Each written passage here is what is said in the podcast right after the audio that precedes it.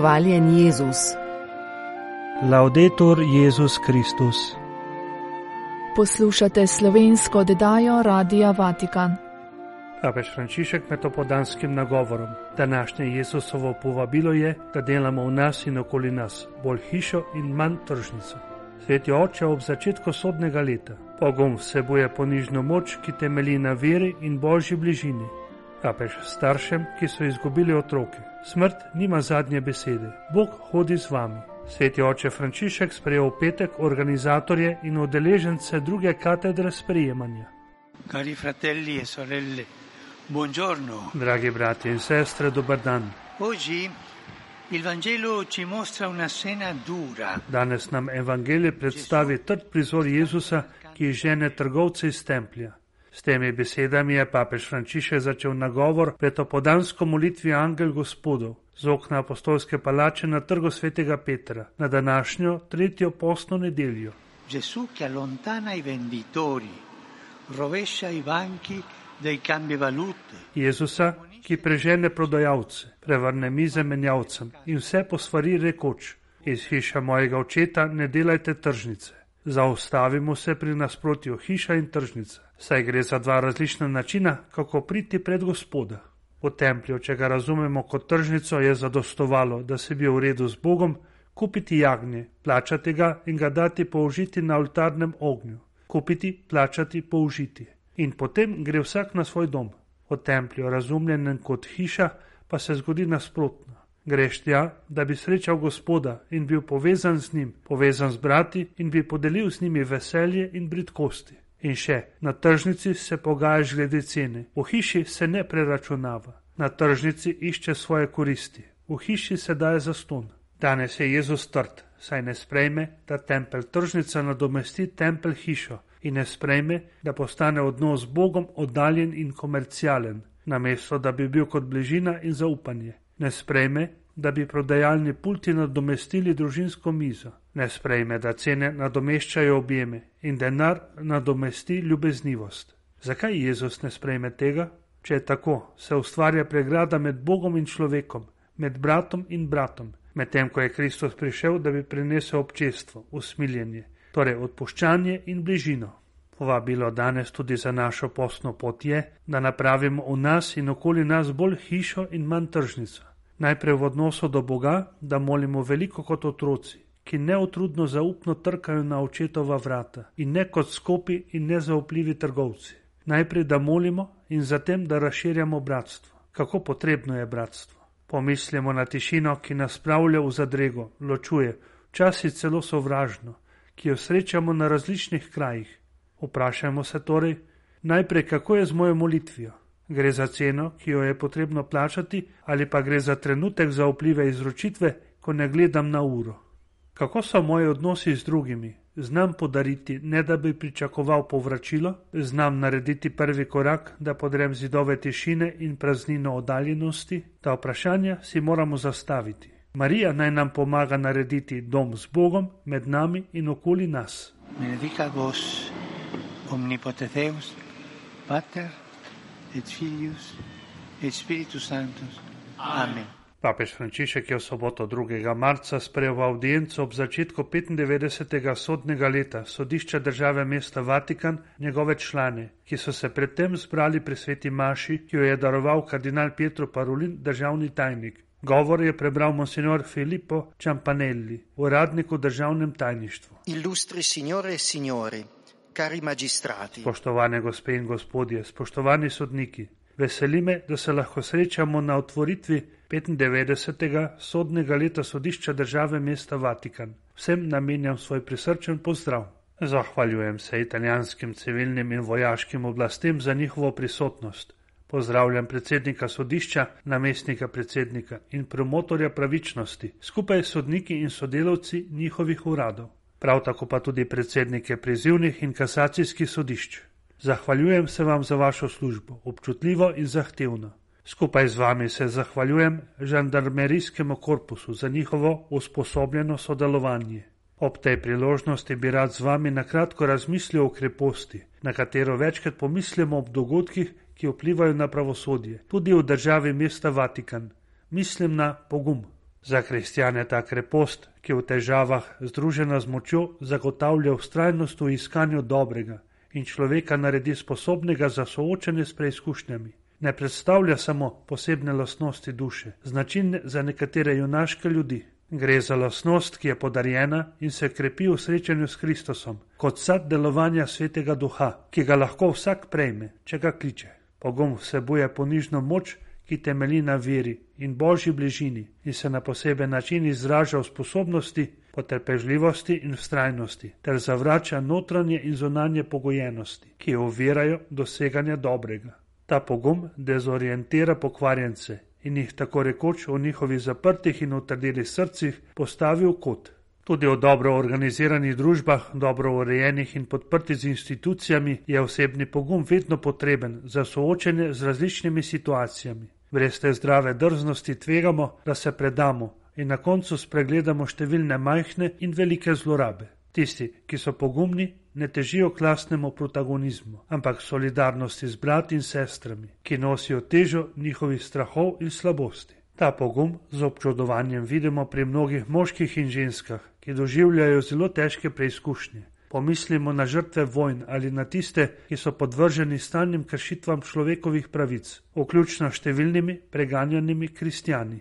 Ob teh krivicah nam duh daje moč, da ne odstopimo. V nas buja ogorčenje in pogum. Ogorčenje pred temi nesprejemljivimi stvarnostmi in pogum, da jih skušamo spremeniti. Gospe in gospodje, s tem pogumom smo tudi poklicani, da se soočimo s težavami vsakdanjega življenja, v družini in družbi, da se zauzamemo za prihodnost naših otrok, da varujemo naš skupni dom, da prevzamemo svoje poklicne odgovornosti. In to še posebej velja za področje, na katerem delujete, to je pravosodje. Pravzaprav skupaj s krepostmi preudarnosti in pravičnosti, ki morata temeljiti na ljubezni in skupaj s potrebno zmernostjo, naloga sojenja zahteva kreposti trdnosti in poguma, brez katerih modrost tvega, da ostane neplodna. Potreben je pogum, da gremo do konca v strogem ugotavljanju resnice, pri čemer se spomnimo, da je ravnanje pravičnosti vedno dejanje ljubezni, priložnost za bratsko popravo, ki želi pomagati drugemu, da spozna svojo napako. To velja tudi, kadar se pojavljajo posebej resna in škandalozna vedenja, ki jih je treba sankcionirati, še toliko bolj, kadar se pojavljajo v krščanski skupnosti. Potreben je pogum, medtem ko ste zaposleni z zagotavljanjem poštenega poteka sojen in ste izpostavljeni kritikam. Trdnost institucij in trdnost pravosodja se dokazujeta z vedrino sojenja, neodvisnostjo in nepristranskostjo tistih, ki so poklicani, da sodijo v različnih fazah postopka. Najboljši odgovor je prizadeven mok in resna predanost delu, ki našim sodiščem omogoča avtoriteto in nepristranskost, ki zagotavlja pravično sojenje v skladu s posebnostmi vatikanskega sistema. Na zadnje je potreben pogum, da v molitvi rotimo, da bi luč svetega duha vedno razsvetljavala razsodnost, ki je potrebna, da pridemo do izida pravične obsodbe. Tudi v tem kontekstu bi vas želel spomniti, da se razločevanje izvaja na kolenih. Prosimo za dar svetega duha, da bi lahko dosegli odločitve, ki gredo v smeri dobrega ljudi in celotne crkvene skupnosti. V resnici, kot je navedeno v zakonu 351 o ureditvi države, sodno delo ni samo časovna nuja, Glavna vrlina pravičnosti pravzaprav osvetljuje in povzema sam namen sodne oblasti vsake države, za negovanje katere je bistvena osebna, velikodušna in odgovorna predanost tistih, ki jim je dodeljena sodna funkcija. To zavezo je treba podpreti z molitvijo. Naj vas ne bo strah, da zapravljate čas, če ga veliko posvetite temu. In tudi zato sta potrebna pogum in moč.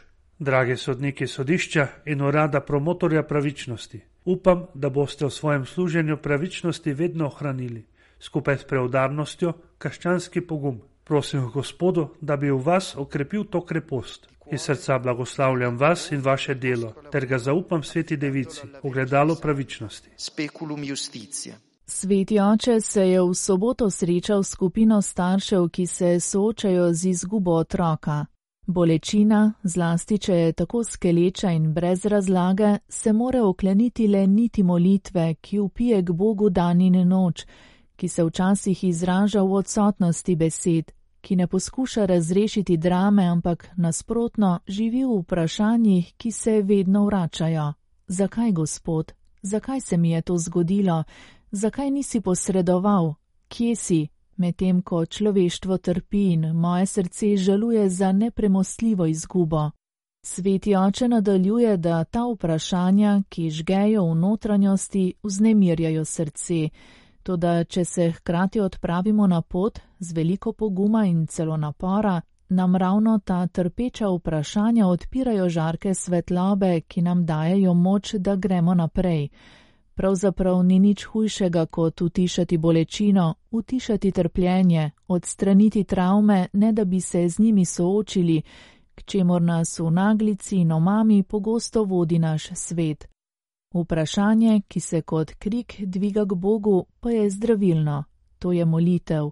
Če človeka prisili, da se poglobi v boleč spomin in objokuje izgubo, postane hkrati prvi korak molitve in ga odpre za sprejem tolažbe in notranjega miru, ki v Gospod ne neha dajati. Evangeli nam to pove v odlomku, iz katerega tudi prihaja poimenovanje skupine Talita Kum. Govori nam o očetu, predstojniku shodnice, ki ima hudo bolno hčer. Ta človek ne ostane zaprt v svoje žalosti, saj bi tako tvegal padec v obupanost, ampak steče k Jezusu in ga prosi naj gre na njegov dom. In Gospod pusti, kar je počel in gre z njim. Bolečina ga vznemiri, saj tudi naše trpljenje kljuje v Božjem srcu. V tem prizoru najdemo ganljivo podrobnost. Jezusova hoja z očetom, strtim od bolečine, bi se lahko prekinila, ko je od doma prišla novica, ki je ni želel slišati: Tvoja hči je umrla, kaj še nadleguješ učitelja? Jezus bi se lahko ustavil, široko razširil roke in rekel: Ni več kaj storiti. Namesto tega pa možu reče: Ne boj se, samo veruj. In še naprej hodi z njim dokler ne vstopi v njegovo hišo, v katero je udrla smrt, in ko deklico prime za roko, ji povrne življenje, da ponovno vstane. To nam pove nekaj pomembnega, izpostavi papež Frančišek. Prvi božji odgovor v trpljenju ni govor ali teorija, ampak je njegova hoja z nami, to, da je ob nas. Jezus je pustil, da se ga je naša bolečina dotaknila, hodil je po isti poti kot mi in nas ne pusti samih, ampak nas osvobaja bremena, ki nas utesnjuje, tako da ga nosi za nas in z nami. In tako kot v tistem prizoru želi Gospod priti tudi v naš dom, dom našega srca in domove naših družin, ki jih je pretresla smrt. Želi nam biti blizu, želi se dotakniti naše stiske, želi nam podati roko, da bi nas dvignil, kot je to storil z Jairovo hčerko. Papež se zbranim staršem zahvaljuje, ker so v svojih srcih in zgodbah naredili prostor za ta evangelij. Jezus, ki hodi z nami, Jezus, ki vstopi v naš dom in se pusti dotakniti bolečini in smrti, Jezus, ki vas prime za roko, da bi vas dvignil. Želi posušiti vaše solze in vam zagotoviti, smrt nima zadnje besede. Gospod ne pušča brez tolažbe. Če mu še naprej prinašate solze in vprašanja, vam daje notranjo gotovost, ki je vir miru. Daje vam rasti v gotovosti, da je z nežnostjo svoje ljubezni prijel za roko vaše otroke in tudi njim, kakor tisti deklici, rekel: Talita kum, vstani in tudi vas želi prijeti za roko, da bi v luči velikonočne skrivnosti tudi vi slišali njegov glas, ki vam ponavlja: Ustanite, ne izgubite upanja, ne ugasnite veselja do življenja. Lepo je pomisliti, da je vaše hčere in sinove, tako kot Jairovo hčer, za roko prijel Gospod in da jih boste nekega dne spet videli, da jih boste ponovno objeli da boste lahko uživali njihovo prisotnost v novi luči, ki vam je nihče ne bo mogel vzeti. Takrat boste križ videli z očmi ustajenja, kot so ga videli Marija in apostoli. To upanje, ki je zacvetelo na veliko nočno jutro, želi Gospod zdaj zasejati v vaša srca. Želim vam, sklene sveti oče, da bi ga sprejeli, da bi raslo, da bi ga negovali sredi solz. Papež Frančišek je v petek 1. marca sprejel v audienco organizatorje in udeležence druge katedre sprejemanja oziroma gostoljubja, ki je te dni potekala v Fraterna Domus v Sakrofanu. Govor je prebral monsignor Filippo Ciampanelli, uradnik v državnem tajništvu. Cari fratelli e sorelle, grazie di essere venuti. Dragi bratje in sestre, dober dan in hvala, da ste prišli. V teh dneh ste se zbrali v Fraterna Domus v Sakrofanu, na drugi katedri sprejemanja. Gre za to zelo primeren kraj, ne samo zato, ker je velik in opremljen. Primeren je, ker je gostoljuben. Je prostor, kjer so dobrodošli starejši ljudje, družine in otroci v težavah, migranti. Zato je lepo, da so sestre Združenja Fraterna Domus nekoliko motor in animatori te pobude. Hvala, drage sestre. Tedni sem videl vaš program, zelo bogat in zelo zanimiv ranljivost postavite v središče.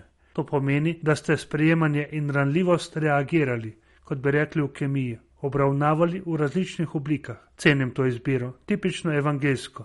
In rad bi vam zapustil nekaj namigov za razmislek in nadaljno pot. Najprej, da sprejmem ranljive brate in sestre, se moram počutiti ranljivega in sprejetega kot takega pri Kristusu. Vedno je pred nami, naredil se je ranljivega do trpljenja, sprejel je našo krhkost, da po njegovi zaslugi lahko storimo enako. Sveti Pavel piše: Sprejemajte drug drugega, kakor vas je sprejel Kristus. Če ostanemo v njem, bomo kot nadike otrti obrodili dobre sadove, tudi na tem prostranem polju sprejemanja oziroma gostoljubja.